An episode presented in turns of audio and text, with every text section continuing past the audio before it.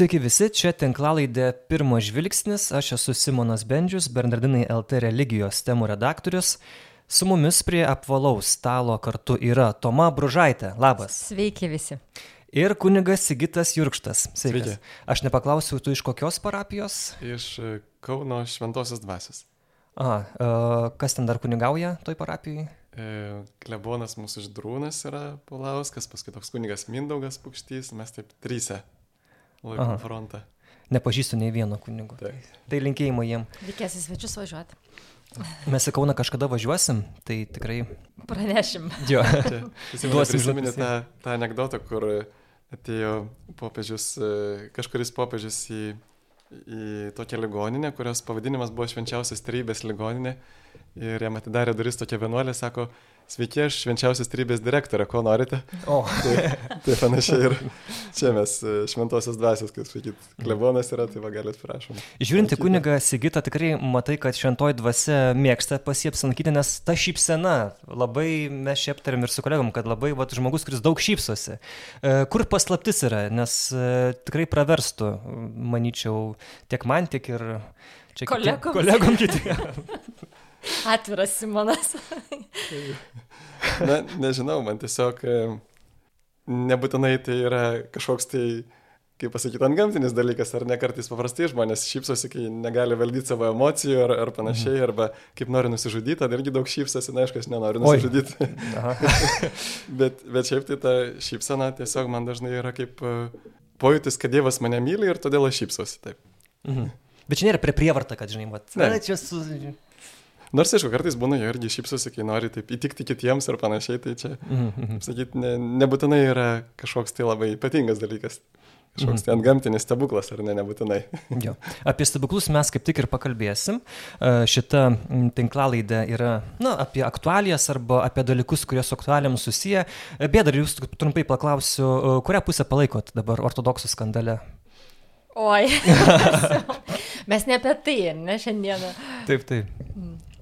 Aš aišku palaikau ortodoksus, nes e, nors tiesą pasakius, tai turiu draugų ir vienoje ir kitoje pusėje pažįstamų, bet, bet turbūt aišku, kad palaikau ne, ne tą pusę, kur e, to patriarcho Kirilo, aš net e, man teko girdėti, nežinau, čia gal tokia skleidžiu gandus, bet, na, iš tikrųjų iš vieno kunigo, kaip jisai matė tokią cerkvę, kariuomenės cerkvę Rusijoje, kur yra pastatyta kariuomeniai.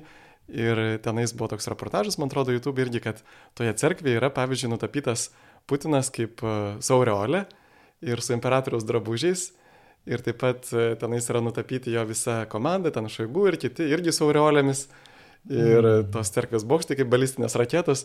Tai va tarsi ta Rusijos bažnyčia labai labai aktyviai naudoja, na, tam, kaip sakyt, daro nuodėmę prieš antrą Dievo įsakymą, nenaudok Dievo vardo bereikalo arba nenaudok Dievo vardo piktam, nes, e, kaip parašyta pradžios knygo, kad ne, neliks nenubaustas tas, kuris naudoja Dievo vardą piktam. Tai va tas yra tikrai papiktinimas, man atrodo, visam pasauliu ir ypatingai krikščionims. Mhm.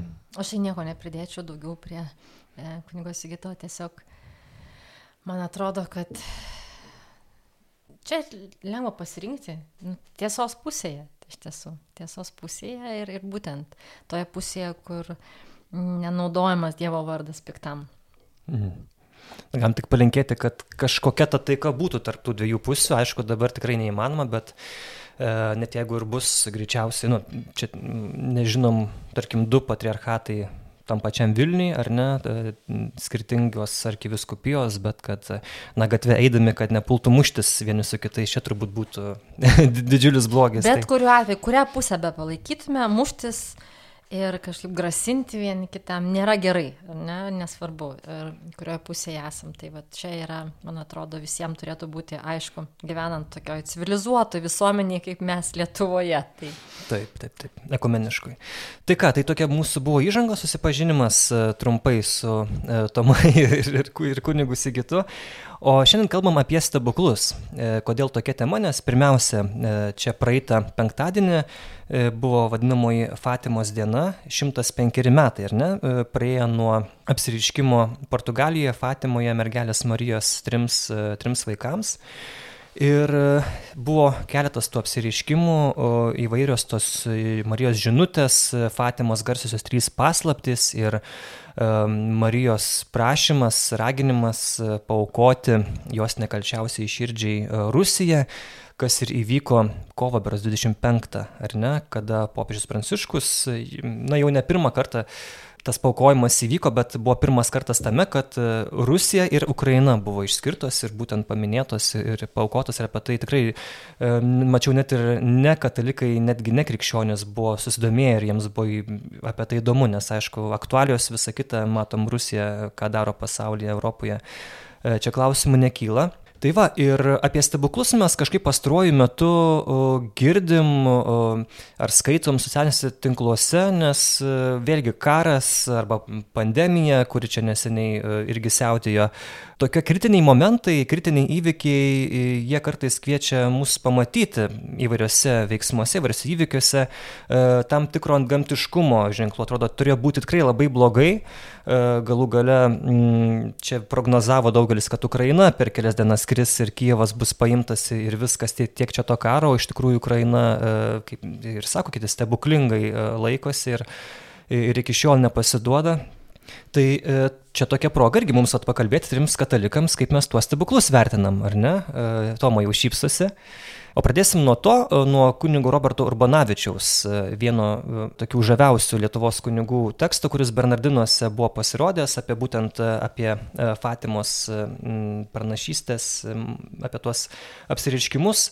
1917 m. spalio 13 d. įvyko šokinėjančios saulės stebuklas.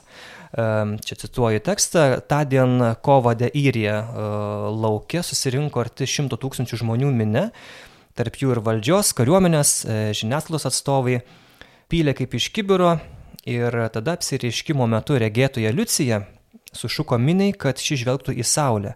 Lietus taiga nustojo lyti, prasiskyrė debesis ir pasirodė saulė. Tačiau jos šviesa buvo sidabrinė, lyg menulio. Nuotraukose matosi, kad žmonės ją žiūri neprisidengę akių. Saulė ėmė nepaprastu greičiu sukti, sudarydama lik ugnies ratą. Jis kleidė geltonus, žalius, raudonus, mėlynus spindulius. Saulė sustojo, bet netrukus vėl ėmė suktis. Staiga visiems pasirodė, kad saulė pradėjo sviruodama kristi ant jų. Tūkstantinė minė išsigandusi sušuko. Saulė skleidė nepaprastą karštį, nuo kurio tuo jau išdžiuvo žmonių rūbai. Visi šaukė, stebuklas, stebuklas, aš tikiu Dievą, sveika Marija, Dieve, pasigailėk mūsų. Žmonės puolė ant kelių į purvą ir karštai meldėsi. Renginys truko apie 10 minučių. Taip Marija išpildė savo pažadą ir prasidėjo Fatimo šventovės istorija. Citatos pabaiga. Aš nuoširdžiai sakau, aš skaitau apie tai, Aš matau tos nuotraukas, yra tam pačiam straipsnėje, e, kaip žiūri žmonės į Saulę. Tiesa, pačios Saulės nuotraukų mes, mes neturime, aišku, gal tais laikais e, su tų laikų fotografijos e, technologijom to nebūtų buvę įmanoma padaryti. Ir aš suprantu, kad vat, toks įvykis, ar ne, žmonės liūdė, bet man nu, labai sunku tuo patikėti iš tikrųjų. Nežinau, kas, kas čia yra kaltas, e, ar tas toks racionalistinis, toks gan vyruojantis požiūris į viską, ar, ar kažkokios kitos priežastis, bet kaip ir mes esam kviečiami tikėti stebuklais, ar ne, ir, ir, ir skaitome Evangelijose pilną Jėzos daromų stebuklų ir apaštalų daromų stebuklų, bet šiandien labai sunku tikrai žmogiškai patikėti, kad, nu, tikrai, kad tai įmanoma. E, kaip jums? Man dabar pagaila kunigo Sigito, mes du tokie skeptikai susėdė. Labai gerai. Aš tau ir prieš mūsų pokalbę sakiau, kad aš, na, supranti, kad aš skeptikė esu, bet norėčiau... Ne, nepirktam, patis... pavyzdžiui, sumuštinio su mergelės Marijos atvaizdu už, ne. už šimtą tūkstančių ar ne, nepirkčiau. bet čia vad geras klausimas, ne, nes aš tikiu, kad Dievas gali padaryti stebuklus, todėl kad, na, jeigu jis yra visagalis, o aš tikiu, kad jis toks yra, tai jam koks skirtumas, tie visi mūsų fizikiniai ir gamtiniai dėsniai, na, jis jos, jos tiesiog, jis yra aukščiau jų, ar ne, jų pradžia, tai jisai gali jais e, žaisti ar kažkaip e, visokius reginius ir renginius nedaryti, kaip jis tik tai nori. E, tik tai man visą laiką kyla klausimas, o kam jam to reikia? Vienas, ne? Ir kitas klausimas, ir kur mano didžiausias skepticizmas yra, tai ne, ne Dievo galimybėse ir jo kažkaip intencijose, bet pačių žmonių interpretavime, tokiam uh, nežinau kaip lietuviškai tą wishful thinking išversti tokia, na, tokių norų pamatyti stebuklus, nes mes dažnai pamatome stebuklus ten, kur mes labai norime pamatyti. Ir, tarkim, tam tikri natūralūs dalykai taip, taip sukrenta, kad jie atrodo kaip stebuklas ir mes patikime. Ir žmonės paskui liudyja įvairiose rekolekcijose, taip, ar ne, kad taip, štai aš patyriau taip. stebuklą ten. Nu, taip. Nu, ir tikrai tam žmogui tai yra kaip stebuklas. Taip. Ir... Bet ar tai yra objektyviai tas atgamtinis dalykas? Tai va, tai va, tai va dėl to mano tas skepticizmas nėra taip, kad aš netikiu, kad tai yra neįmanoma. Bet e, mano skepticizmas labiau kyla iš to, kad e, na, mes labai dažnai pavadiname stebuklais e, dalykus, kurie, kaip sakėjai, individualiai yra stebuklas žmogui, ar ne, labai, labai maži, labai paprasti dalykai gali stebuklai būti man, ar ne, mhm. arba, arba, arba jums ne, asmeniškai. Ir mes kažkaip labai tos stebuklus, na, viskas gali būti stebuklas. Ir kai jau viskas yra stebuklas, tada galvoju, na, mhm, tau stebuklas, bet man ne. Ir nu, tada, va, iš to yra tas skepticizmas. Man atrodo, yra daugiau, daugiau visokių niansų, bet man atrodo, mes pokalbio įgojom, paliesim, bus proga plačiau apie tai kalbėti. Ir iš tikrųjų, tu, Tomo, paminėjai apie tai, kam to reikia. Ir šventame rašte yra parašyta, man atrodo, laiškė Timotėjui, kad e, Dievas nori, kad visi žmonės būtų pasiektų tiesos pažinimą ir būtų išgelbėti. Ir net pats Jėzus irgi pripažįsta, kad yra sunku patikėti jo dieviškumu, o tai yra mūsų išgelbėjimo sąlyga. Sako, jeigu netikėsite, kad aš esu, iš didžiosios raidės aš esu Dievas, tai numirsite savo nuodėmėse, sakė apie fariziejams. Tai reiškia, kad jeigu aš netikiu, kad Jėzus Kristus tikrai yra Dievas, o ne šiaip savo koks nors ten mokytojas moralės ar, ar ten kažkoks tai filosofas, dar kažkas tai, tai aš numirsiu savo nuodėmėse ir aš vis tiek ateisiu pas jį, bet jau ateisiu ne, ne gailestingumo, pro gailestingumo duris, bet pro teisingumo duris, kaip pas teisėja. Ir va, pats Jėzus pripažįsta, kad yra sunku tikėti jo dieviškumu ir sako, jeigu netikit mano žodžiais, tikėkite bent dėl pačių darbų. Ir va tie Dievo darbai, kuriuos Jėzus darė, jie turėjo paliudyti jo dieviškumą. Galiausiai va pats prisikėlimas. Ši bažnyčia ypatingai įpareigojimus tikėti, pavyzdžiui, pirmam Vatikano susirinkime, tai būtent Jėzaus prisikėlimu, taip pat Mozės ir pranašų stebuklais. Apie kitus stebuklus per daug nekalba, o taip pat katekizmas kalba apskritai apie Naujojo testamento stebuklus. O pavyzdžiui, na ir, ir, ir popiežius Pijus XII tokiam dokumente Divina Flantis Spiritu, ar kaip čia nais jau dabar tą latinų kalbą išgaravo iš, iš, iš galvos, žodžiu apie šventąjį raštą tokiam dokumente irgi minėjo, kad gali būti Senajame testamente ir yra naudojamas skirtingos literatūrinės formos, taigi ne viskas, kas yra Senajame testamente parašyta kaip stebuklas, būtinai yra stebuklas. Na pavyzdžiui, žinom pradžios knygoje, kad galima aiškinti, tai na, tas žanras nėra turbūt toks istorinis, ypatingai, kad, kad pasaulis ten per šešias dienas sukurtas.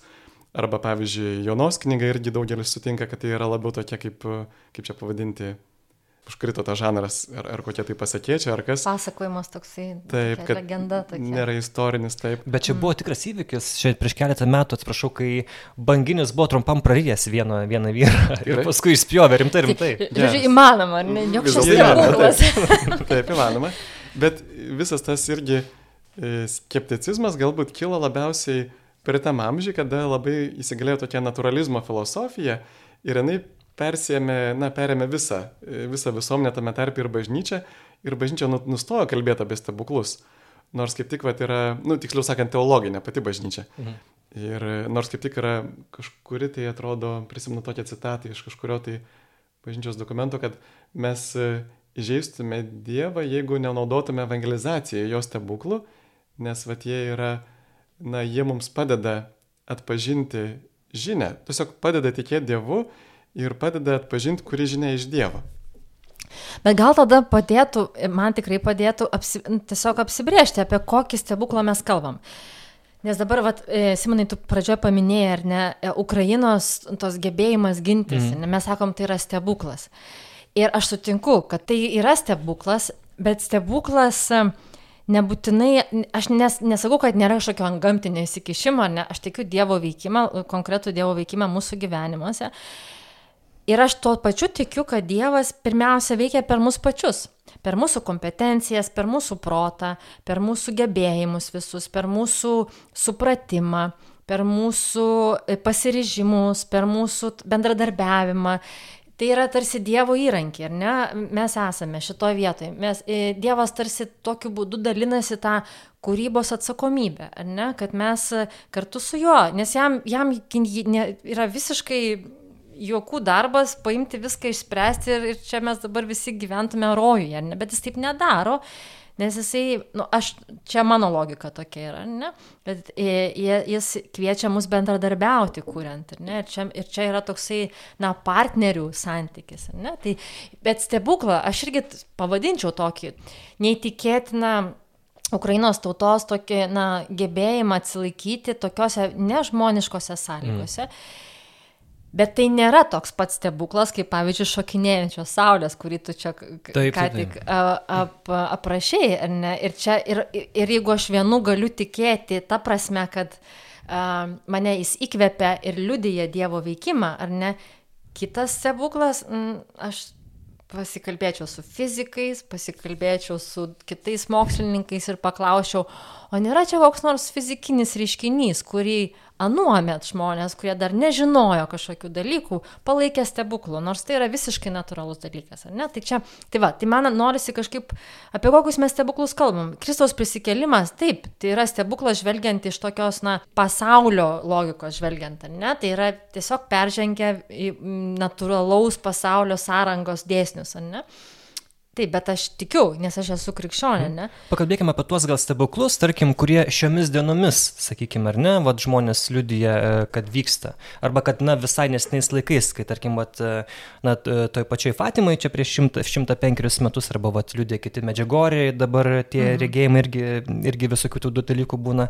Būtent apie tokius e, ant gamtinius fizikai prieštaraujančius dalykus, kurie labai ryškiai, tartum, rodo, kad štai čia jau yra anapusybė įsikišusi. Mhm. Taip, tai e, galima tikrai kalbėti, kad e, bažnyčia visais laikais, ypatingai nuo 16 amžiaus, rimtai pradeda tirti, bet tų ženklų ir stebuklų yra visais laikais ir yra liudijimų įvairiausių, pavyzdžiui, yra įvairiausių dokumentų net ir e, anksčiau, na, kad ir ten visai senai tikrai vykusiems stebuklam, pavyzdžiui, va toks Lančiano Eucharistos stebuklas, jis vyko 8 amžiui, gal apie 700-750 metus.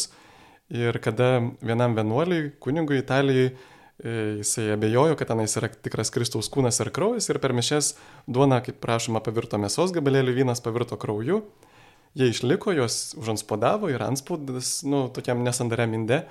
Ir paskui jau buvo bandyta tirti ten ir 16 amžiuje, bet, bet taip jau toks jau e, geras ir iškus tyrimas buvo padarytas 1970 metais, tai tikrai gana neseniai, mhm. jau iš mūsų laikų, tokie du profesoriai Linolį ir, ir Bertolį atrodo tyrė. Ir jie, jie tikrai buvo labai autoritetingi mokslininkai ir jie nustatė, kad tenais yra tikrai žmogaus širdies gabalėlis, kad nėra jokių konservantų tenais ir neaišku, kaip išliko tūkstantį beveik 300 metų nesuirę. E, taip pat dar iš seniau, va dabar nebuvo tirta, bet seniau buvo tas tyrimas, kad, pavyzdžiui, kiekvienas iš tų kelių ar penki ar tiek ten tų krašuliai kraujo sukrešėjo, jie sveria tiek pat, tiek visas kiek bendrai jie tiek ir atskirai sveria ten po 15,85 gramų. Bet ir, vad įdomu, tas čia net yra ir toks teologinė tiesa už to, ar ne, kad vienoje ostijoje yra visas Kristus taip pat kaip ir, e, kaip ir visose, visoje komuniniai, pavyzdžiui, taip. Arba, pavyzdžiui, kad e, ta e, žmogaus širdis, širdies gabalėlis, kad jis taip tiksliai atitinka romanų skaidulas, kad niekas negalėtų išpjauti taip tiksliai. Mm. Arba pavyzdžiui, kad e, tenais yra va, ta rečiausia pasaulyje kraujo grupė AB, kuri būdinga AB, kuri būdinga ir Turino drobuliai, pavyzdžiui, ir kitiems Eucharistijos stebuklams, ir būtent žydų, žydų tautai tenais viduriniuosius rytuose daugiausia žmonės turi. Ir dar, kad e, turi tokias savybės, tasai kraujas, nors jis yra sukrešėjęs, bet lik būtų ką tik paimtas iš gyvo žmogaus. Tai reiškia irgi, nu, va, tai yra tokie dalykai, kurie yra niekaip mokslo nepaaiškinami Ir, ir va būtent mokslas juos atskleidžia, nes plika akimi tenais, nu, nu ką ten, plika akimi pamatysi kažkoks gal ten grešaliai, mėsos gabalėlis, neaišku kieno. O čia va būtent pats mokslas, jisai mums kelia klaustuką tokį labai didelį, kas ten yra. Ir, ir, ir kas įdomiausia, kad tokie dalykai, jis nebuvo vienintelis toks stebuklas apskritai, to Eucharistijos stebuklai yra įvairiais duomenimis nuo, nuo 100 iki 300. Jis parašo vos ne kasmet, kad, kad įvyksta, ten pasikartoja Girdėjau, kad buvo New York'e kažkoks irgi Euharistijos stebuklas ir visko paslėpė išmesti. tai, nu, būna ir taip, taip, būna ir taip.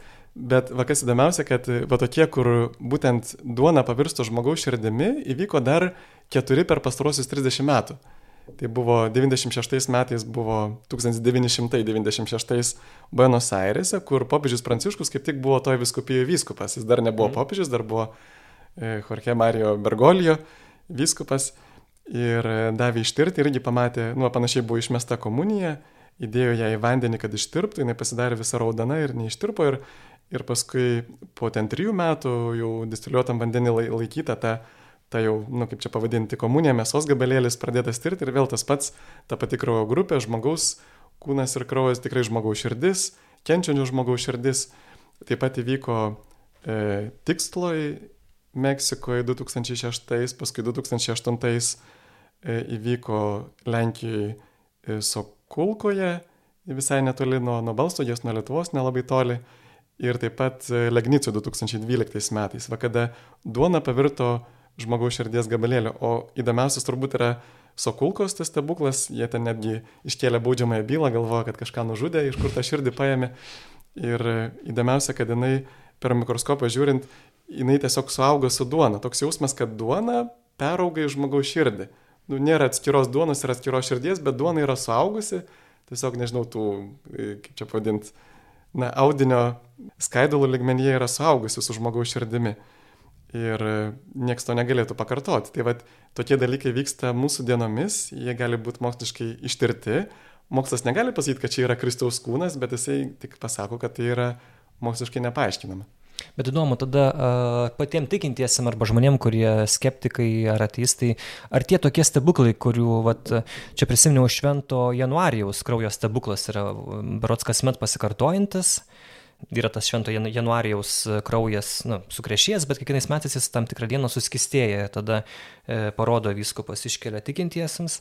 Na nu, ir tokie panašus dalykai, atrodo, nu, vat, ar tikintiesiam tai duoda, būna atsivertimų kažkokių, ką tu pats vis tiek domies tais dalykais.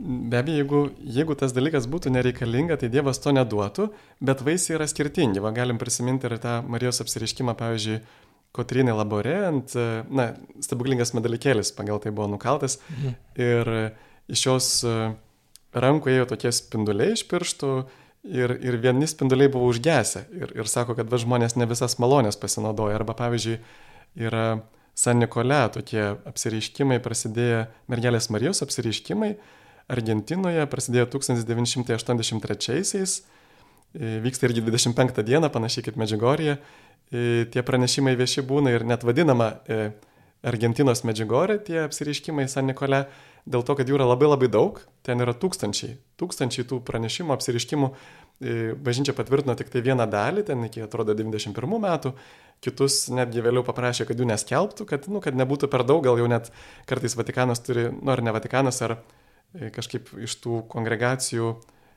popiežiškų turi kartais tokią hipotezę irgi, kad, kad tai nebūtų paties regėtojo, toks jau, na, kaip čia pasakyti, jisai tarsi ir patyrė kažką tikro, bet jau pradeda jam gal galvoje kažkaip kartotis ir jisai vis kartoja, tai, na, mhm. nu, čia tokia viena iš hipotezių, jinai nėra patvirtinta, bet, bet va ką norėjau pasakyti, kad tenais e, San Nikole, nors tai yra tikrai ir, ir ta pati regėtoja, turi ne tik, kad jinai tuos pranešimus gauna, bet jinai yra stigmatizuotoja, jai atsiveria stigmos, Kristaus žaizdos.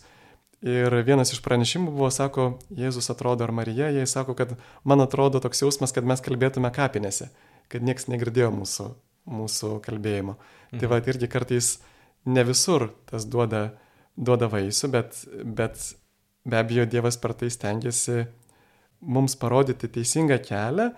Ir aš manau, kad ypatingai tie, va, pavyzdžiui, kalbant apie Marijos apsiriškimus, jie ypatingai yra svarbus e, būtent New Age kontekste žinot, tas New Age naujo, naujo religingumo ta filosofija, sąjūdis, jisai kalba, kad e, štai tas naujasis amžius prasideda vandenio era, astrologinė, baigėsi žuvų era, toks sutapimas ar ne, kad tas žuvų zodieko tas ženklas jį sutapatino su krikščionybė, nes krikščionių pirmą mhm. amžiaus simbolis buvo žuvytė, nes pirmosios raidės iktus reiškia Jėzus Kristus, Dievo sūnus gelbėtojas, jie vat, nuo persekiojimo tą žuvytę naudodavo e, kaip sutartinį ženklą.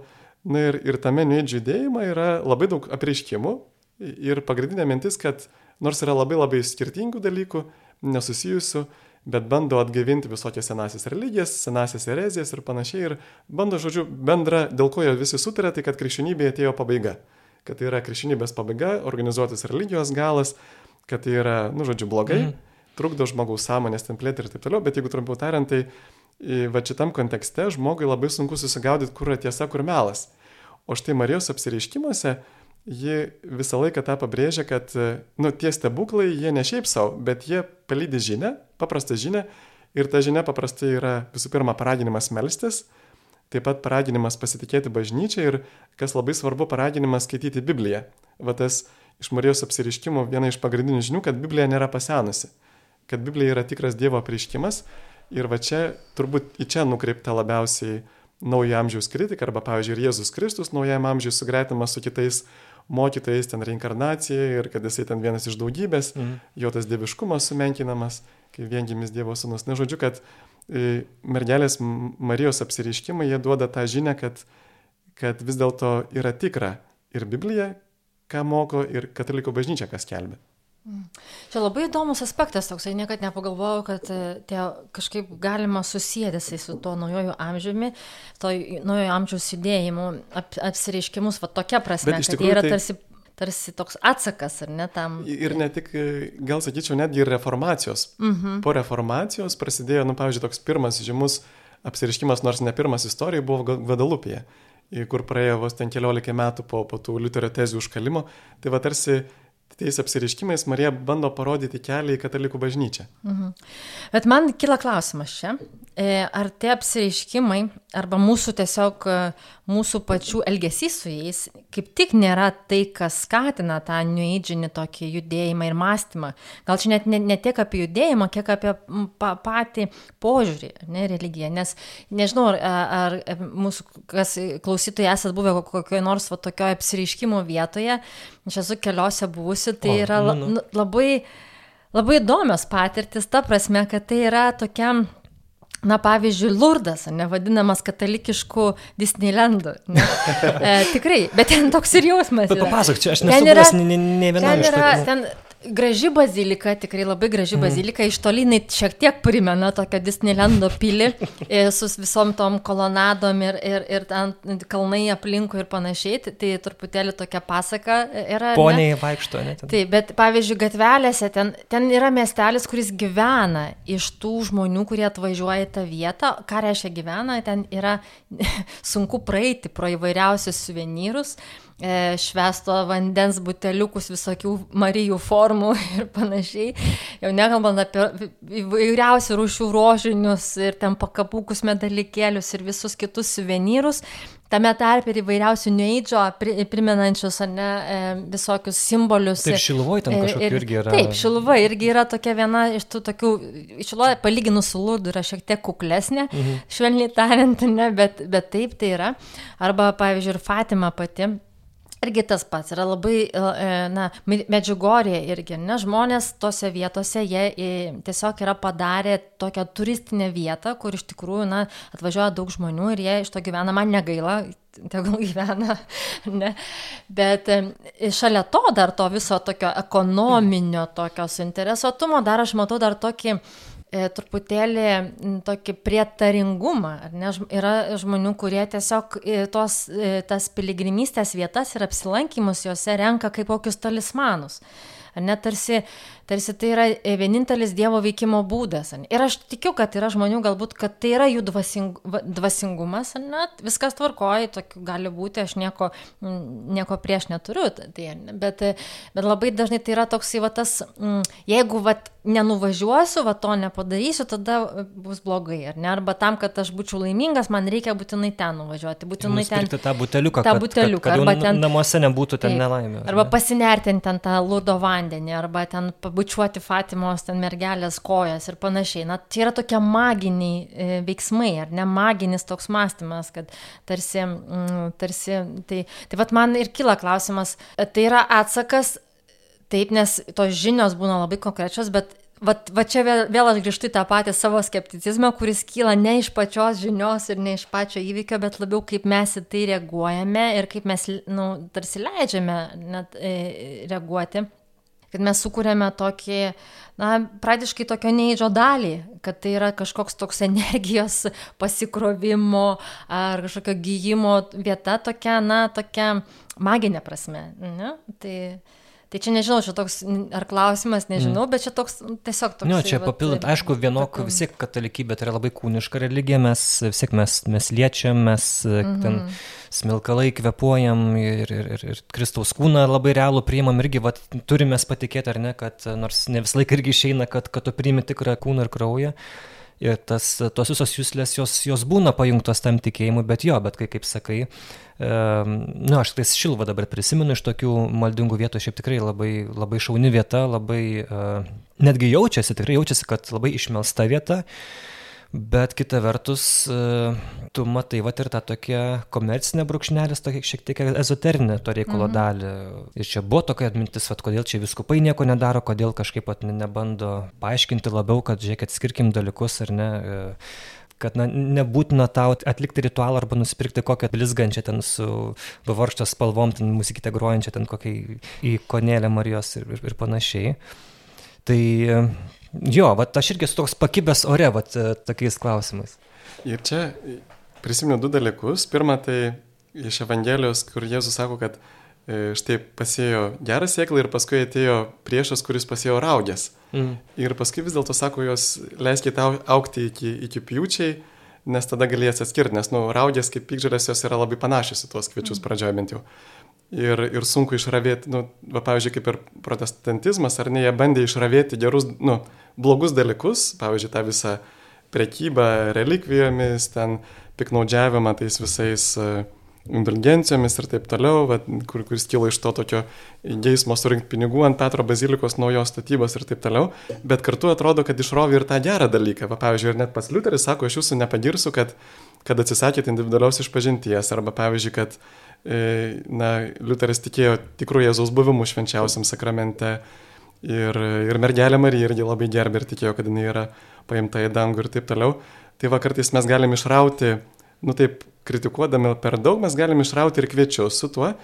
Ir va, kas, pavyzdžiui, mergelės Marijos apsiriškimuose, jinai labai dažnai mini bažnyčią.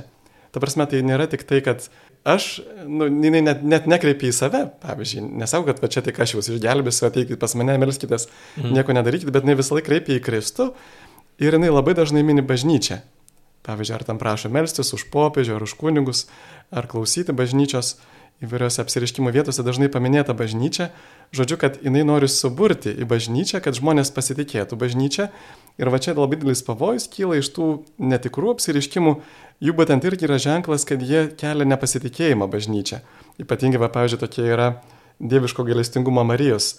Man atrodo, net yra interneto svetainė, ten kažkaip perspėjimas vadinasi, lietuviškai tam plačiai verčiama, platinama, leidžiama knygos ir bažnyčia yra pripažinusi kad tai yra nu, neantgamtiniai reiškiniai, kad yra blogi, nu, kad mhm. ne, nereikėtų jais tikėti. Nes, pavyzdžiui, mes turim laisvę tikėti arba netikėti, kad ir bažnyčios pripažintais, bet turim pareigą netikėti bažnyčios e, paneigtais apsi, apsireiškimais. Mhm. Tai jau būtų nuodėmė neklusnumo, jais tikėti domėtis.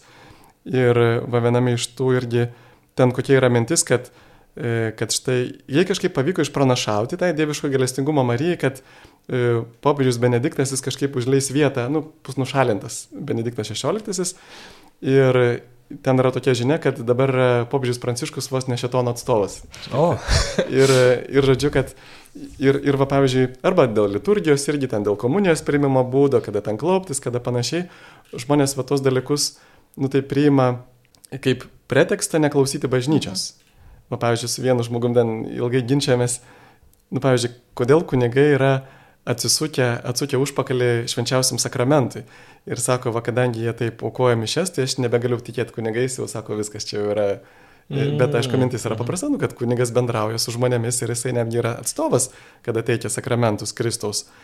Tai va, tai, tai žodžiu, tokie dalykai, kurie e, sukelia nepasitikėjimą bažnyčią, jie sukelia tokį, na, susiskaldimą ir, ir tada piktoji dvasia, bet net diabolos yra skaldytojas jam mhm. labai lengva tada tas, tas aveles, kaip sakant, iš, išbarstyti. Tai va čia yra galvos skausmas irgi yra viskupams tie tokie netikri apsiriškimai. Pavyzdžiui, kodėl tik tai, nu, pagal vienus duomenis, pavyzdžiui, net yra apie 2,5 tūkstančio apsiriškimo vietų Marijos pasaulyje ir iš jų tik tai 26 yra bažnyčios pripažinti ant gamtiniais, tai vienas procentas tik tai. Mhm. Aišku, tai nereiškia, kad kiti yra netikrai, bet gal tiesiog trūksta duomenų surinkti ir panašiai.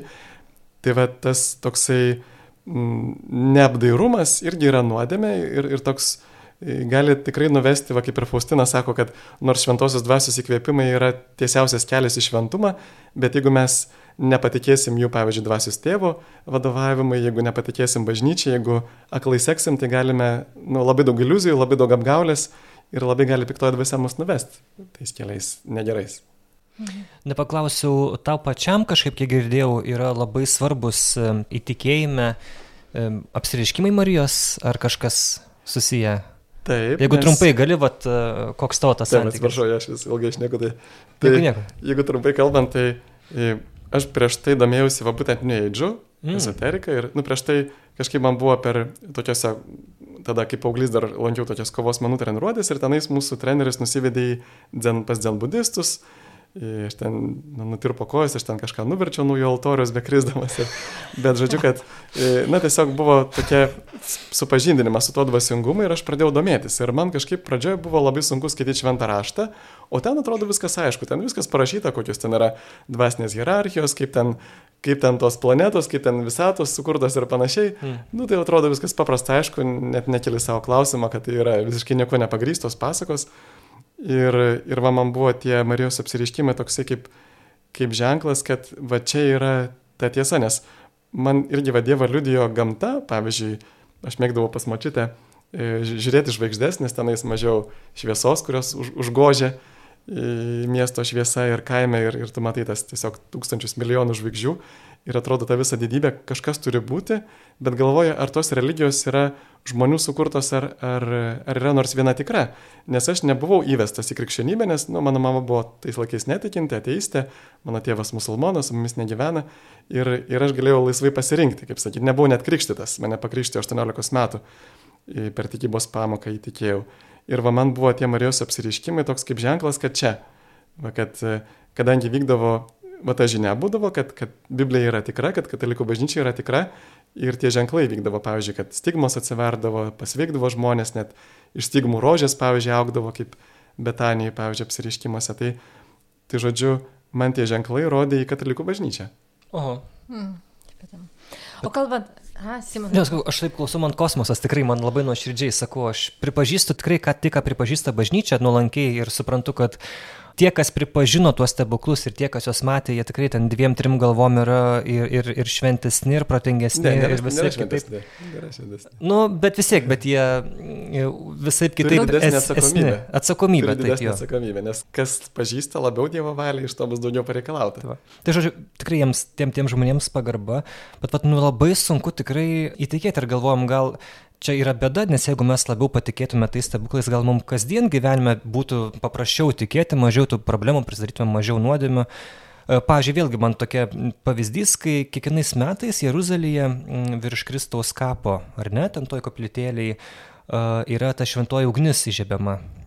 Ortodoksų čia būtent tradicija, kad e, ateina ten jų, nežinau, patriarkas ar arkivyskupas, vienas ar su keliais padėjėjais į tą koplytėlę, ten jis uždaroma, niekas, nu, filmuojama būna tiesiog transliacija, bet niekas nemato, kas ten viduje darosi.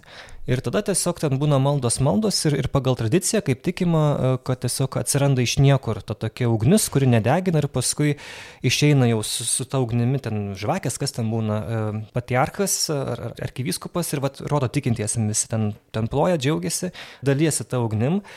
Nu ir vat priima tai žmonės kaip labai rimtą dalyką. Ir e, vos net tokios irgi spekulacijos, kad vat, kai bus ta diena, tie metai, kai ta ugnis neįsižiebs, reiškia, čia jau bus vieto pabaiga, suprask. Ir lengviau atsipučia, žodžiu, kad, uh, gerai. Dar ne tie metai. Ja, atsimenu, kai buvo pandemija, tai vat, atsikvėpė, ten irgi lengviau, lengviau tikinti, kad yra ta ugnis. Nu, nu aš, nu, žmogiškai, nu, aš, nu, man sunku, nu, aš nežinau, aš, man sunku patikėti to dalyko, nes tu, tu nematai to dalyko, atrodo, tai rodyk visiems viešai, kodėl negalim. Taip, taip. Man, man užkliuvo, čia vat, yra man svarbus momentas, kalbant apie bažnyčios poziciją, kad bažnyčia neįpareigoja tikėti netgi tais stebuklais, kuriuos jį pripažino, ar ne, kad... Išskyrus va būtent prisikėlimą ir Mozės ir pranašų stebuklus. Taip, nu tai čia tokia, tokia. Ir kartu įvykiai. dar tikėjimo išpažinime yra du stebuklai, kad Jėzus pradėtas iš mergelės Marijos ir prisikėlė. Tas... Tokia jau esminiai, tokia Taip. krikščionybės, ar ne, bet jeigu kalbant apie va tuos apsiriškimus įvairiausius jau čia šiandieną šiais laikais, tai ar, nu, tiesiog, tais, jau, jau po, po Kristaus ir visų kitų stebuklų, tų, kurias privalom tikėti, tai mes jais neprivalom tikėti, ar ne? Ir, ir aš... Šiuolaikiniais tais. Nu, taip, taip, taip. Mm, mm. Ir tai man atrodo yra labai išmintinga, nes būtent va, tokie kaip mes, tokie, kur visą laiką taip, mm, nežinau. Aš norėčiau labai pamatyti va, tokį realų, va, tokį kažkokį tokį ant gamtinį, tokį. Bet ir tavo tikėjimai, bet tada klausimas kila, ar tavo tikėjimai to reikia. Vat, kažkada mano draugai tokie, mes buvome vienoje bendruomenėje krikščioniškai ir mes kažkaip mhm. irgi apie stebuklus, apie visokius išgydymus kalbėjom. Ir va ten buvo irgi tame pokalbėje toks kila klausimas, na kodėl, kodėl nu, mes tikintis, mes labai tokie e, aktyviai ten veikiantis ir mm. visą kitą, ir mums Dievas neduoda pamatyti jokio stebuklo. Ir tada kila klausimas, o tau reikia jo? Kad tavo tikėjimas būtų nu, gyvas, kad jisai būtų, na, ar to, ar to reikia? Taip nuoširdžiai kalba, nu, nelabai, nu kas pasikeistų, gal ne. Nu, mirties valanda gal bus biški lengviau, nežinau. Sunkiau, kažkaip. sunkiau. Sunkiau? Taip. Kodėl? Nu, nes tu, jeigu tu pamatai stebuklą ir, ir paskui neištveri, negyveni, o juk matėm, kad ir Jėzaus daugelis sekėjų, daug kas matė stebuklus, Aha. bet kai kurie jį nukryžiavo. Tai Judas pats matė stebuklus, bet mhm. tai, va, tai, tai tik tai padidina atsakomybę žmogaus. Nebūtinai, nebūtinai pamatęs stebuklą, tu labiau tikėsi. Vat, va, kaip labai geri, geri pavyzdžiai. Kad, nu, Man visko, aš vis, aš vis kartoju tą pavyzdį su kunigu Arnoldu Valkausku, kuris jau ten, jau ten tų, matęs tų vilnių, ko tik nori, žodžiu, ir, bet matęs daug pergalių, kaip e, egzorcizmo metu, kaip Jėzus išvaro ta, tas visas bjaurasis, tuos demonus iš žmonių. Ir vėlgi, aš tuo tikiu, aš labai norėčiau pamatyti, bet man sako, kad ta, iš smalsumo jokių būdų negalima žiūrėti egzorcizmo, nes gali liūdnai baigtis. Bet kaip, kaip tikras Tomas, aš tikėsiu, kol nepamatysiu. Vienoje laidoje Valkauskas, atsimenu, ten buvo kažkaip apie, kažkas ten apie psichologus ir egzorcizmą, nes e, kažkaip turi pirmą e, gauti iš psichologų, ten, e, žodžiu, žmogus, nu, patvirtinama, kad yra psichiškai sveikas, tik tada gali egzorcizmą daryti, daryti šitas, nu, egzorcistas Lietuvoje. Ir šiaip tam buvo kažkoks tai psichologų asociacijos kažkas ar psichiatrų, kur sako, nu čia, čia nesąmonė, tie egzorcizmai, čia tiesiog gali net ir pakengti žmogui, nes viskas yra čia, nu, per psichiką reikia kaip tik va žmogų gydyti, nu, žmogiškai, nu, normaliu būdu. Tada Valkauskas sako, tai aš jūs va pakviesiu, nu, tipo, nuvarykim kada nors va, vieno ten egzorcizmo, yes, kartu yeah. padalyvausim, pamatysim, galvo, kaip norėčiau aš irgi va, pamatyti ir tą pergalę. Baigėsi? Nežinau, e, čia toks buvo jo kvietimas eterėje, bet neatsakė nieko tas žmogus. Ir aš kažkada Valkausio gyvai klausiau prie pietų stalo, sakau, nu, kiek jūs čia matot visko, va tokių va stebuklų, va čia Jėzos pergalės ir visa kita. Jau turbūt jau jums nu, nekyla abejonių, jau turbūt tikrai jau ramus esat, kad va tikrai Dievas veikia. Ir tas apsako, baigt, kitą dieną vėl netikintis, vėl pamiršti viską, žinai. Nu, va. O aš dar norėčiau sugrįžti prie tų žinių ne, kur Marija labai, jinai labai labai mėgsta žinutės visokias, tai tokia kartais atrodo, kad tai kokia paštininkė. Agentūra. Siunčia. taip, čia Pranciškus yra sakęs, turėdamas mintį medžiagorę, taip. Tai va, bet, bet ne tik matom, kad yra daug, ar ne tokių vietų, va, čia irgi yra toksai, man atrodo, šiek tiek skepticizmo šaltinis, ta prasme, kad, na, atrodo, nu ką naujo, kad tarsi nieko naujo, tai kam ten reikia tiek tą žinutę siūsti, ar ne? Neužtenka, va, Biblija, turim Bibliją, kuri yra pradžia ir pabaiga, tarsi viskas ten yra parašyta. Ir aš sutinku, kad ir, ir, ir ta Dievo žodžio ir tokio e, pritaikymo šiandienai reikia, ar ne, tai tas, man atrodo, bažnyčia čia, čia ir kunigų darbas per homiliją sakyti, o ne pamokslus, bandant pritaikyti e, kasdienai e, šventai raštą ir kažkaip jį suprasti, reikia pagalbos. Ir tarsi tos žinutės, ir kam jos reikalingos tada, na, jeigu vis tiek yra kartojama tas pats. Va yra Paulius, kur rašo apie e, šventame rašte apie dovanas, viena iš dovanų yra raginti, dovana paraginti. Ir mes labai dažnai, nu taip, atsiverčiam, bet ir užsiverčiam. Vat aš, pavyzdžiui, irgi prisimenu, vat, koks buvo įkarštis, kai aš pirmą kartą perskaičiau tos Marijos pripažintus apsiriškimus. Ir jie labai labai skatina, nu, pavyzdžiui, melstis už nusidėlį atsivertimą. Ir paskui tas įkarštis melstis už nusidėlio atsivertimą išblėsta. Išblėsta, išblėsta. Ir, va, ir vienas dalykas yra, kai kunigas sako, nu, melskitės už nusidėlio atsivertimą, nu, Ir kitas dalykas, kai sako mergelė Marija ir kuris sako, kad tai tikrai yra veiksminga. Netgi, pavyzdžiui, kai kurie teologai, nors tai yra, kaip pasakyti, galima išvelgti tai šventajame rašte, bet kai kurie teologai nusuka kitur, sako, tai viskas, nieko, mums nieko nebereik daryti. Jėzus viską padarė, mums mm. nebereik nei kentėti, nei ten už kitus nusidėlius, ten aukotis, nei ką, viską Jėzus padarė. Tai negi aš čia būsiu dabar pasaulio antras išganytojas. Tai va, o mergelė Marija vat, būtent duoda tą žinę, kad mūsų vaidmuo yra labai svarbus ir kad mes galime nuo mūsų pradiškai, na, uolumo priklauso ir tikėjimo, ir uolumo, nu, tikėjimas pasireiškia darbais, ta prasme, tikėjimo darbais, meilės darbais, priklauso daugeliu sielų išganimas, kad va tos sielos, kurios, kurias Dievas be galo myli, yra, kurios yra Dievo vaikai ir mergelės Marijos vaikai, jos pateks į pragarą, jeigu aš nebūsiu uolus tame jeigu neatsiliepsiu į tą žinę. Arba, pavyzdžiui, va, kad ir Fatimai, jeigu žmonės būtų atsiliepę, Marija sakė, nebūtų įvykęs antrasis pasaulinis karas. Tai va todėl, nu, ar tai yra svarbu, pavyzdžiui, kad neįvyktų antras pasaulinis karas, aišku, tai yra svarbu. Ir va, žmonės neatsiliepia į tai. Tai čia turbūt dar galvoju, kad e, žmogui, kuris, nu, pavyzdžiui, ten kokioj Fatimai tų pranešimų buvo palyginti nedaug, O kitose vietose, pavyzdžiui, San Nikole, apie Medžiugorę negaliu kalbėti, nes jie nėra pripažinti, bet San Nikole yra tūkstančiai, taip. Ir galvoju, kad va čia yra gal šio laikinio žmogaus toksai, e, nu, pavyzdžiui, kartais per išpažinčią paklausiu, tai ar jūs, e, ar skaitot dažnai šventą raštą? Sako, skaičiau. Arba dar, dar jau atsako, sako, turiu. tai, tai faktas, kad tu turi, gal tu vieną kartą gyvenimą skaitai, bet mūsų pašaukimas yra tai įgyvendinti. Ir va tas vis naujas pranešimas, e, žinia yra ta pati, bet ta nauja forma šio laikiniam išsiblaškysiam, beblaškomam reklamų žmogui yra svarbu vis patraukia dėmesį, kaip ta reklama vis iš naujo. Reklama, Marija reklamuoja. Tai, vis iš naujo sugražina į tą kelią. Bet čia turbūt svarbu, ar ne, kad kaip, turbūt vienas iš dalykų, kaip atskirti tą tikrą nuo netikro, aišku, čia sudėtingi dalykai, bet Marija turėtų būti tikra tada, jeigu, tarkim, čia apsireikštų redakcijų Bernardinų, ji turėtų rodyti būtent į bažnyčią ir šventą įraštą, kad grįžkite prie šito. Ir Jėzų Kristų, taip, grįžkite prie šito dalyko. Taip, tikrai neįsame. O lab, iš tikrųjų labai įdomu, kad bažnyčia, e, kiek, iš, iš kiek tūkstančių tenais tik tai 20. 2,5 tūkstančio vietų. tūkstančio vietų ir tik 26, 26 yra pripažinti, ar ne? Ir va, Aišku, įdomu. Yra daugiau, kur, pavyzdžiui, leista tikėjimo išraiška, nu, tam tikra arba imprimatorių uždėtas, tai jau daugiau yra, bet va tokių, kur visiškai pripažinti. O gal... Lietuvoje yra daug tų vietų, kur apsireiškia Marija. Tai, jo, tai man klausimas, kaip, kaip bažnyčia atrenka tas vietas ir, ir ką pripažįsta, ką ne, ir į ką jį žiūri ieškodama kažkokių tai tikrumo patvirtinimų. Įdomu būtų va čia vat, pasižiūrėti, ar čia mes galim bažnyčią pasitikėti. Juokauju, mes bažnyčią mm. pasitikėm, bet nu, vat, kaip sakė, kokį procesą. Kaip kuningas Mindaugas Sabonis sakė, bažnyčia netiki pasakomis. Šitas labai taip, va, skaudus taip, labai toks pasakymas. Nu, taip, nu, kaip čia. Taip, vat, kaip jinai čia tas pasakas nuo tikrovės atskiria. Yra ir, ir, ir Vašlo Paulius tas raginimas, kad neniekinkite pranašavimų, bet visą ištirkite ir tai, kas gera, priimkite. Tai bažnyčia tyria, pradėškai, nu, gal tas tyrimas toks stipresnis jau nuo tridento susirikimo, tikrai labai jau uoliai stengiasi tirti. Ir yra paprasti tokie tiesiog kriterijai atpažinimo, na pavyzdžiui, na tas pats žinios ortodoksiškumas, e, turiu mintį sutapimas su Evangelijos žinia, nes, nu, kaip žinia, pavyzdžiui, yra ir daug tų vadinamų apokrifinių evangelijų, kur žinia yra visai kitokia, Jėzus Kristus visai kitoks negu va, tos pirmojo amžiaus evangelijos, kurias turim Naujam testamente. Tai va, atitikimas apaštalų žininės ir apaštalai kažkuris iš jų perspėja, kad sako, net jeigu aš ar angelas apsireikštų ir skelbtų jums kitokią evangeliją, te būnė prakeiktas. Tai žodžiu, kad netikėkite kitokiomis evangelijomis. Bet va tik ta, kurios esmė yra, kad Jėzus Kristus numirė už mūsų nuodėmės ir prisikėlė ir, ir, ir mums dovanoja tą nuodėmę atleidimą ir amžiną gyvenimą. Taigi vienas dalykas ta žinia, kitas dalykas labai svarbus kriterijus yra nu, pačių regėtojų irgi gyvenimas.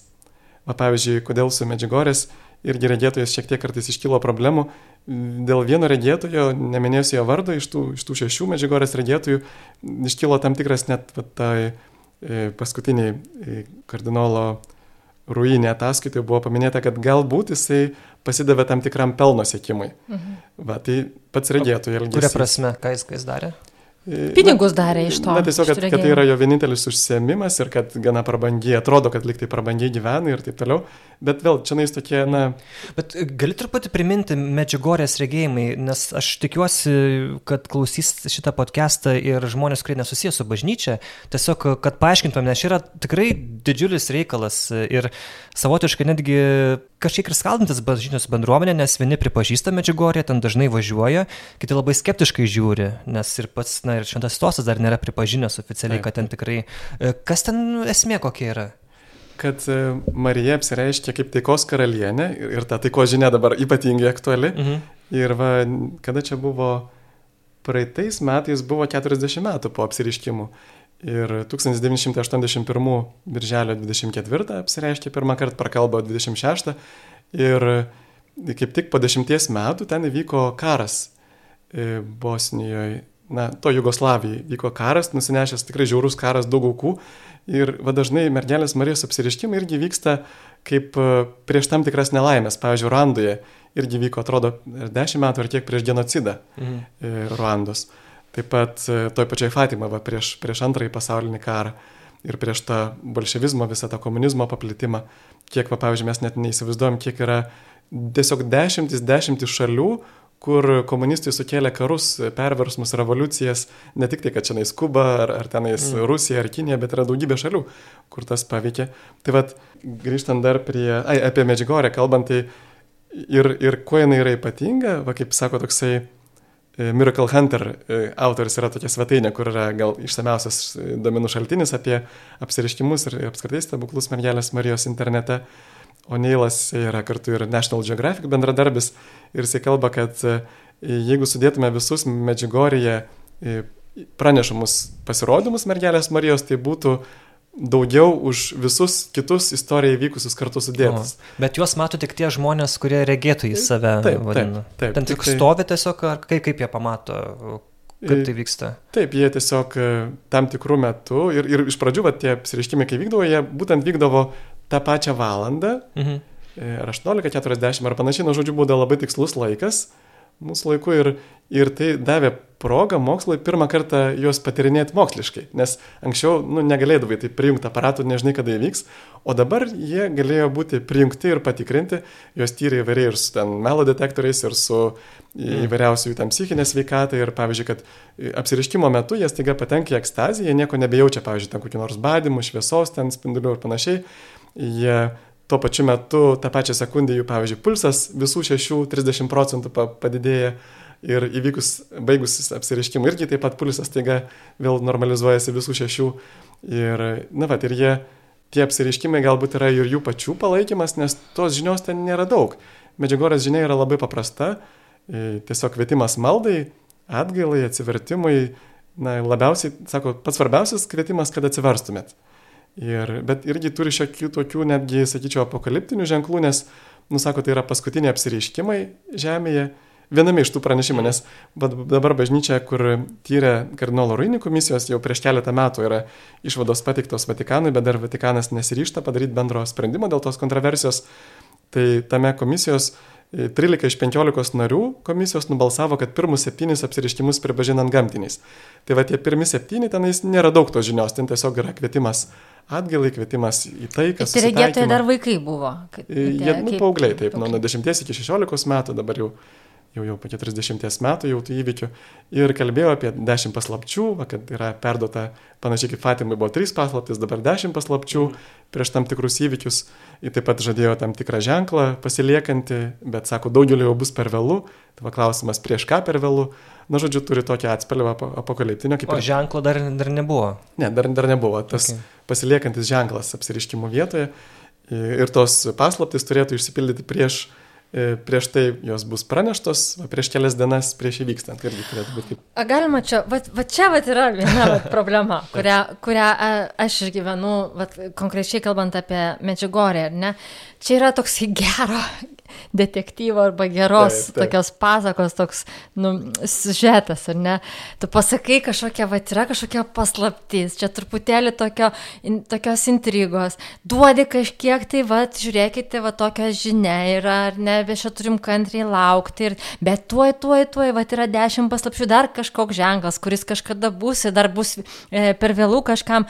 Tai suot, jeigu jūs e, perskaitote knygoje kažką tokio, sužete, žinai, kur, kur tavęs labai sujaudina ir, ir masina, ne, kažkokia žinia, tai tu, nu bent jau aš tai labai greitai perskaičiau iki galo, dėl to, kad, nu, kas ten yra, kas ten bus, ne, ir tu, ir tu perskaitysi tą knygą dėl to, kad labai suintrigavo.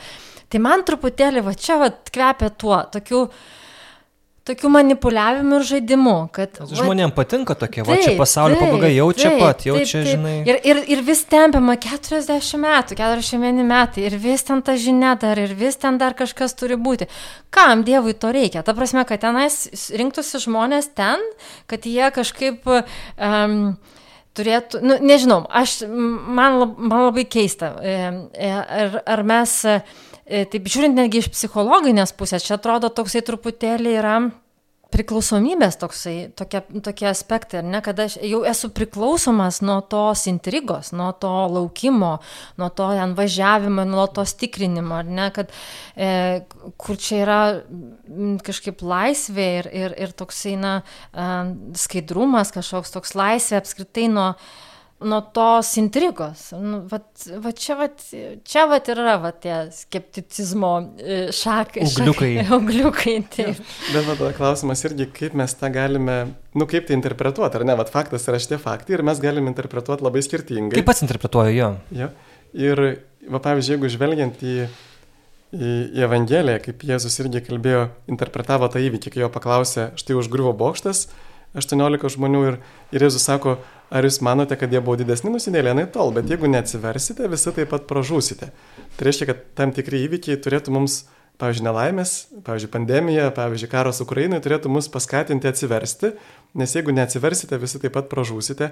Ir va čia yra ta pagrindinė žinia atsiversti ir tarp kitko pačioje Evangelijoje jau Jėzus pradėjo tą intrigą jisai sako, būdėkite, nes nežinot nei dienos, nei valandos. Ir, ir pirmie krikščionys jie net galvoja, kad Jėzus taip pat sugrįž.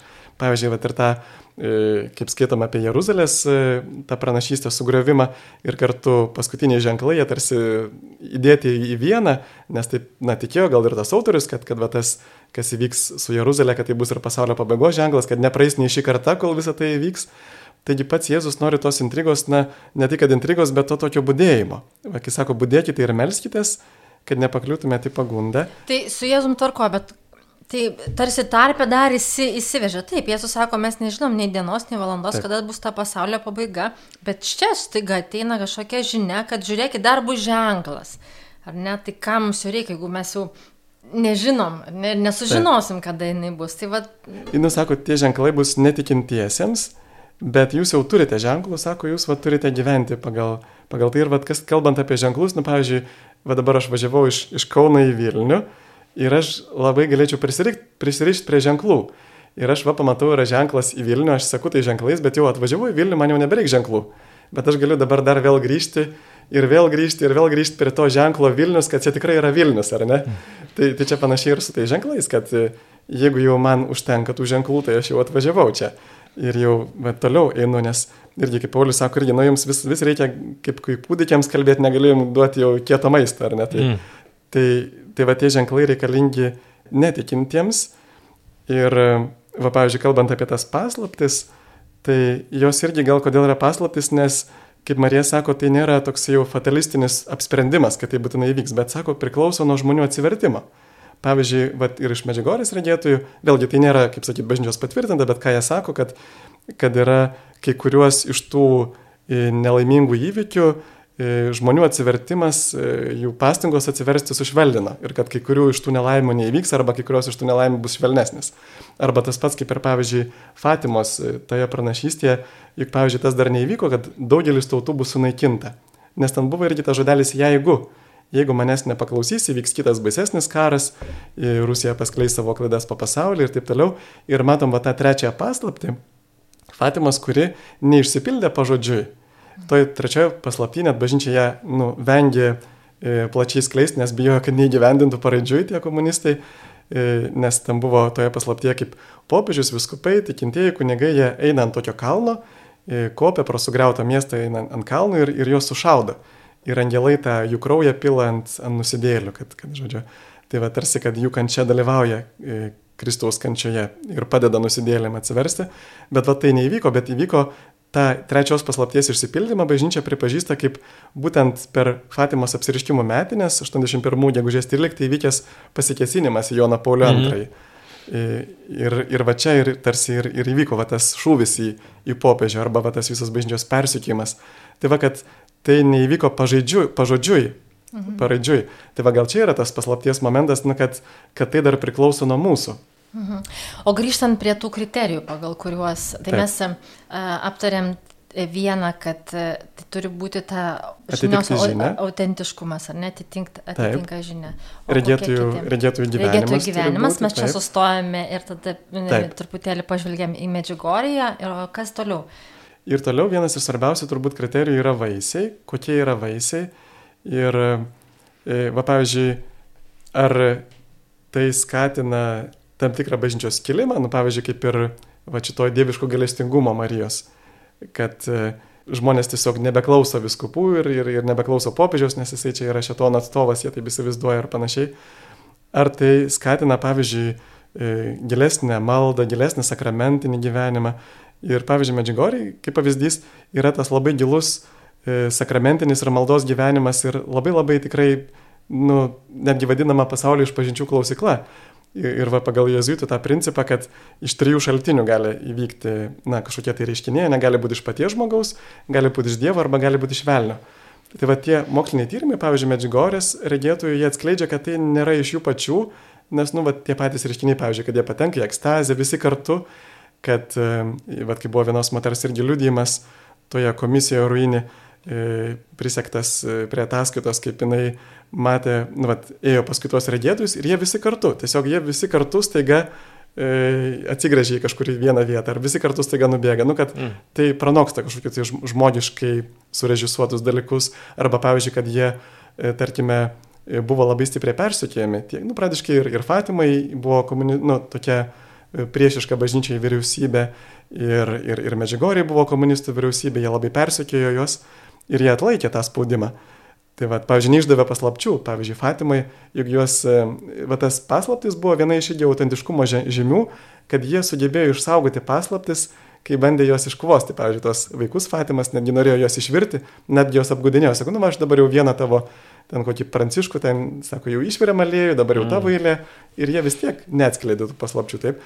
Tai va, tai grįžtant prie, tai yra vaisiai, Ir, ir paskui, aišku, va, buvo balsavimas, pavyzdžiui, dėl medžiagoriai, toje komisijoje ruinį buvo balsavimas dėl tų vaisių ir, ir vis tiek ta komisijos nuomonė buvo šiek tiek tokia įvairialypė. Bet vis tiek didesnė dalis nusprendė, kad tai yra vien teigiami vaisiai, taip pat nemaža dalis, kad yra maišyti ir teigiami, ir neigiami, nu, kad daugiau teigiamų, mhm. kad ir teigiami, ir neigiami vaisiai. Ir, tai va vis tiek didesnė dalis, kad vis dėlto yra teigiami vaisiai. Tai turbūt čia yra iš vaisių medį pažinsi. Mhm. Čia turbūt gal yra svarbiausias kriterijus. Ir dar vienas kriterijus yra irgi klusnumas. Klusnumas bažnyčia, nes, pavyzdžiui, net ir asmeniškai pagalvoti, štai, jeigu aš dabar sugalvoju, nu, pavyzdžiui, dabar, tarkim, kursiu kokią nors, e, na, pavyzdžiui, žiniasklaidos priemonę, taip, ir aš atinu pas viskų paleidimo ir viskų pasako, nereikia, sako, geriau, jau yra tų žiniasklaidos priemonė, geriau va prisijungti prie Bernardinų, dar jam padėk. Ir aš labai supykstu ir aš vis tiek neklausau viskupą, įkuriu savo. Tai yra žodžiu ženklas, kad, kad aš, jeigu aš nepaklausau, viskupą reiškia, kad mane valdo kažkokia aistra, pavyzdžiui, gali būti puikybės aistra, taip, noras sulaukti garbės. Mhm. Ir man nerūpi Dievo valia, nes jeigu man rūpėtų Dievo valia, aš tada klausyčiau bažnyčios. Tai vad, pavyzdžiui, su tėvu Piju mes žinom tą atvejį, kad jam buvo uždrausta ir, ir viešai, ir, ir iš pažinčių klausyti, ir ten viešai mišęs aukoti, ir jisai pakluso ir paskui jisai paskelbtas šventuoju. Tai, tai va žodžiu, tas klusnumas irgi yra labai stiprus išbandymas. Ar čia tave veda Dievo dvasia ar ne, ir, ir tas nuolankumas, pavyzdžiui, vat, Pilypas Nėris šventasis garsėdavo kaip e, toksai, turėdavo tą tokią charizmą atskirimo ir vieną kartą tokia viena jauna vienuolė, jinai irgi atrodo, ar regėjimus, ar ką jinai tenai sakydavo, kad patyrusi, ir jisai nuvyko į tą vienuolyną Ir mato, kad čia yra ta vienuolė, kurios jis ieško, bet jis apsimeta, kad jos nepažįsta, sako, aš ieškau šventosios, sako, gal, gal galėtumėt pasakyti, kur yra ta šventoji. Ir ta vienuolė sako, tai aš esu ta šventoji. tai, tai jis jau iš karto yra ženklas, kad čia yra netikra, nes jinai, na, save aukština, laiko mm. save, save šventa. Tai va, tie kriterijai turbūt yra gal svarbiausi. Ačiū. Okay.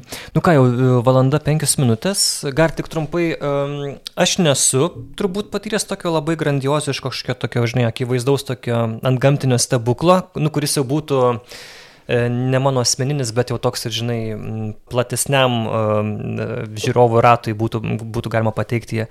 Uh, tu, Toma, kaip suprantu, irgi ne. O tu, Sigitai, gal esi, ar buvęs gal irgi tokias, tose apsiriškimų vietose ir matęs kažką ypatingo, arba savo gyvenimą kažko tokio, žinai, kur... kur Bet reiktų kur... irgi gal dar atskirti ne tik tai stebuklus, kurie yra, na pavyzdžiui, neįprasti reiškiniai, kurie pranoksta tas gamtos galės, kurie yra reti, bet tos stebuklų žymės Bet gali būti ir, pavyzdžiui, ant gamtiniai reiškiniai, kurios gali sukelti, pavyzdžiui, dvasios įvairios. Mhm. Gali sielų sukelti, galbūt, e, galbūt mirusiųjų, arba gali būti demonų sukelti. Tai man teko dalyvauti tokiam, e, pakvietė žmonės palaiminti namus. Aš pats nemačiau, bet tik mačiau pasiekmes. Kad jie, jie tiesiog pasakojo, aš pats to nepatyriau, tik tai, kad, e, žodžiu, pasakojo kaip ir, ir vyras, ir moteris, kad jie abu matė, kaip namuose pradėjo daiktai skraidyti, ten, pavyzdžiui, stiklinės kristi, ten jinai prausėsi vonioje ir jai kava iš virtuvės taiga byra ant galvos, iš arbūzo pačios sėklos išlėkė, ten grįžta apmėtytas su kiaušiniais sienas, atranda ten išbarstytus visur cukrų, arba, pavyzdžiui, mato, kaip batai patys vaikšto, arba pėlis praskrenda pro nosį vyrui. Tai va tie tokie dalykai, kurie ir jie po pašventinimo liovėsi. Tai va čia buvo toksai gal, nu toks, kad, nu va tas pašventinimas suveikė.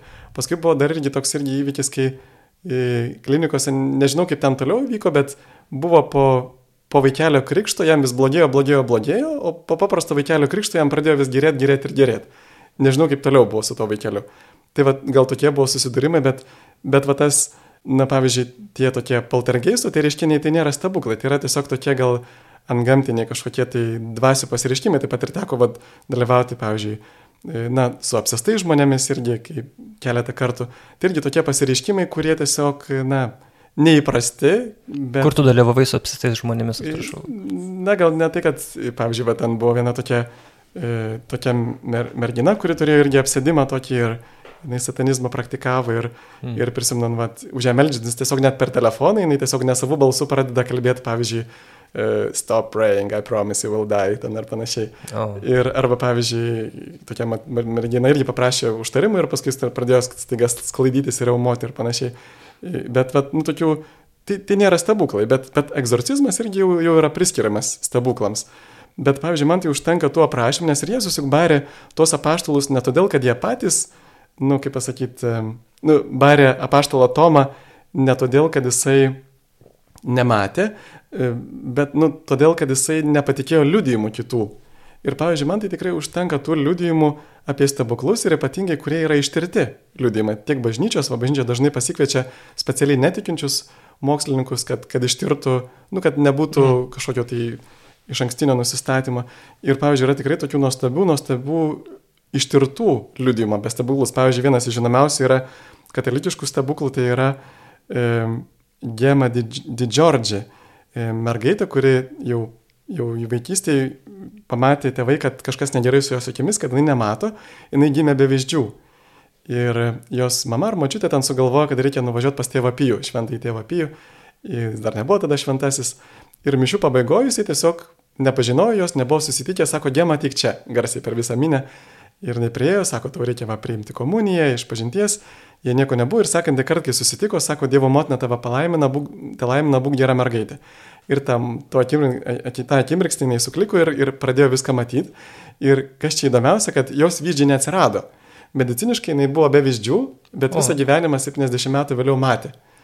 Tai va vienas iš tokių žinomesnių stebuklų, arba tie patys va, negendantis kūnai, na aišku, su jais gal daugiau yra kontroversijų, nes yra šiek tiek daug tokio gal veikimosi turistų ir mažai informacijos, bet ta pati, va, pavyzdžiui, Turino drobulė, kur dabar visai prieš mėnesį paaiškėjo, kad tikrai yra tyrimas atėjo, kad yra iš pirmo amžiaus, kur atvaizdas iš viesos trečią dieną e, atsispaudęs nukryžiuoto Jėzaus arba pavyzdžiui, va, tie Euharistijos stebuklai, arba galiausiai išgydymai, kurie dažnai yra susijęti su paskelbimu šventaisiais. Va, bažnyčioje yra 10 tūkstančių žmonių paskelbto šventaisiais ir kiekvieną kartą anksčiau reikėjo trijų stebuklų, kad tu būtum šventas paskelbtas, dabar dviejų ir jeigu tu esi kankinys, tai užtenka vieno. Tai žodžiu, bent jau e, mažiau, tai, mažų mažiausiai 10 tūkstančių stebuklų, aišku, yra jau įrodyta, nes tuose bylose yra dokumentuoti stebuklai. Tai va, tai tie dalykai, dokumentuoti stebuklai man yra toksai kaip e, atrama tikėjimui tada, kada aš, na, pavyzdžiui, nieko nejaučiu, nieko šventosios dvasios jokių vaisių, kada man tamsa ten kokia sausra mhm. gyvenime. Tai man atrodo, ir, ir kita vertus, nu kaip tas tikėjimas kyla iš klausimo, kada mes skaitom šventą raštą, tie liudijimai man irgi sustiprina, bet dargi, man atrodo, yra tikėjimo stiprinimo šaltimai ne tik stebuklai, man atrodo, mes labai, va, ypatingai po tos gal darvinizmo tokio, nu turiu minti tokio e, tikėjimo, kad viskas įvyko atsitiktinai gamtoje, įsigalėjimo mes nebematom, kad yra tiesiog žiauriai daug e, Dievo buvimo ženklų gamtoje. Net ir tie nauji moksliniai atradimai, pavyzdžiui, man teko domėtis apie mokslininkų tikėjimą. Tai e, vyresni mokslininkai yra daug jų netikinčių, yra gal apie pusę netikintis. Bet jauni mokslininkai, kuo jaunesni mokslininkai, tuo, tuo labiau, tuo didesnė dalis jų tikinčių. Kas yra visiškai priešinga su studentais jaunimu, kad kuo yra jaunesni žmonės, tuo jie mažiau tiki, mhm. o kuo jaunesni mokslininkai, tuo labiau tiki, nes nauji moksliniai atradimai, pavyzdžiui, apie lastelės sudėtingumą ir vis apie ten tikslų suderintumą, antropinį principą ir taip toliau, jie mums atskleidžia, kad, kad kuriejas tikrai yra, kad neįmanoma, kad tokie dalykai sudėtingi atsirastų atsitiktinai. Arba, pavyzdžiui, maldos patirtis, va kodėl mergelė Marija savo apsiriškimuose sako, kad e, jūs nebetikite, nes nebesimeldžiat. Nes per maldą mes įgaunam šventosios dvasios vaisius. Tiesiog, kada mes melžiamės, skiriam laiko Dievui, tada Dievas gali mus apdovanoti šventosios dvasios vaisiais. Ir tie vaisiai, pavyzdžiui, kuriuos aš patiriu, tai nėra stebuklas, Pavyzdžiui, vieną kartą man buvo toksai vidinis, gal nežinau kaip jį pavadinti, aš atėjau visas susisierzinęs į bažnyčią, piktas, ir šalia meldėsi e, močiučių burelis rožinį. Ir aš tik tai priklopiau ir per sekundės dalį mano visas susierzinimas išnyko ir atsirado tokia gili ramybė. Ir aš niekad gyvenimo to nebuvau patyręs, kad vat, mano jausmų jūra staiga per, nu, per sekundės dalį nurimtų. Ir man, na, aš niekam negaliu to įrodyti, bet man viduje tai buvo kažkoks tai va toks ypatingas kažkoks tai dalykas, ar ne? Tai Dievas duoda mums tų e, vaisių šventosios dvasios patirti praktiškai kiekvieną dieną, kiekvienoje maldoje, bet tą atgaivą, tą išlaisvinimą iš, iš, iš, iš piktosios dvasios kažkokio veikimo, iš piktų minčių ir, na tai pagundų nugalėjimas, pats maldos pagalba. Tai žodžiu, tie keliai, va, šventasis raštas, gamta, e, malda, jeigu jau juose aš atrandu Dievą, tai tada man lengviau patikėti, kad Dievas ir, ir per stebuklus taip pat veikia. Arba atvirkščiai, jeigu per stebuklus atrandu, kad yra štai čia Dievo veikimas, tai tada man lengviau atrasti Dievą ir kitose dalykuose. Mhm. Svarbu turbūt neaptinkti ir neužpavydėti tiem, kurie tuos tokius stebuklus, tokius nu, jau stiprius yra patyrę. Ir... Pavyzdžiui, vat, buvo įdomi situacija su Emiliu Zole. Jisai net parašė tokią knygą Lurdas. Jisai pats regėjo Lurdę tris išgydymus, labai labai ypatingus išgydymus. Mhm. Kur ten tiesiog visai moteris buvo, pavyzdžiui, jam ten veidas išpuvęs nuo tuberkuliozės ten ir jau ten, na, tiesiog pasveiko ir jisai nepatikėjo. Jam vis tiek buvo, nu, jam tai pritrūko.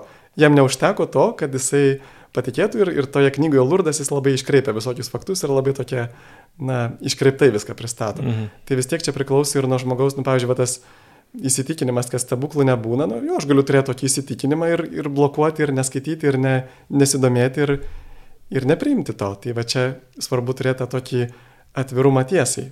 Nu, jeigu turbūt nesigilinsi į, į savo tikėjimą ar ne, tai, tai tie stebuklai tau nieko, ar tu juos pražiūrėsi, nematysi ir jie tau nieko, nieko neduos. Turbūt čia tokia mintis. Nu tai ką, tai gerai, tai su tokia mintim gal ir pabaikim. Ačiū labai, ačiū Tomai, ačiū kunigui Sigitų Jurkštui. Ačiū. Nu, vat, ką, čia buvo pirmas žvilgsnis, aš buvau Simonas Bendžius. Skaitykite mus, žiūrėkit, klausykite ir prašom taip pat paramos nes jinai yra labai mums reikalinga, ypač šituo metu. Ačiū ir iki susitikimo kitose tinklaladėse. Kaip sigitai jautėsi dabar toj tinklalaidai? Gerai, puikiai, tikrai. Gerai. Kai yra, kai yra daugiau pašnekovo, aš kažkaip irgi pradės, pavyzdžiui, su vienu pašnekovu ir kai yra daugiau pašnekovo, kažkaip taip labai taip gyviau ir, ir daugiau temų atsiranda, tai labai taip įdomiai. Aš ir linkim to tikrai, nežinau kaip čia pavadinti, stebuklo, nestebuklo, bet uh, E, Dievo norimos pergalės Ukrainai. Tai ir toliau remkim Ukrainą, aišku, visai kaip. Ir kad jie vis tiek išlaikytų tą tokią vis dėlto meilę priešams, net kai ir nušauni priešą, tu vis tiek gali nu, nušauti iš meilės, kad jisai daugiau nuodėmė nepadarytų. Geras počius.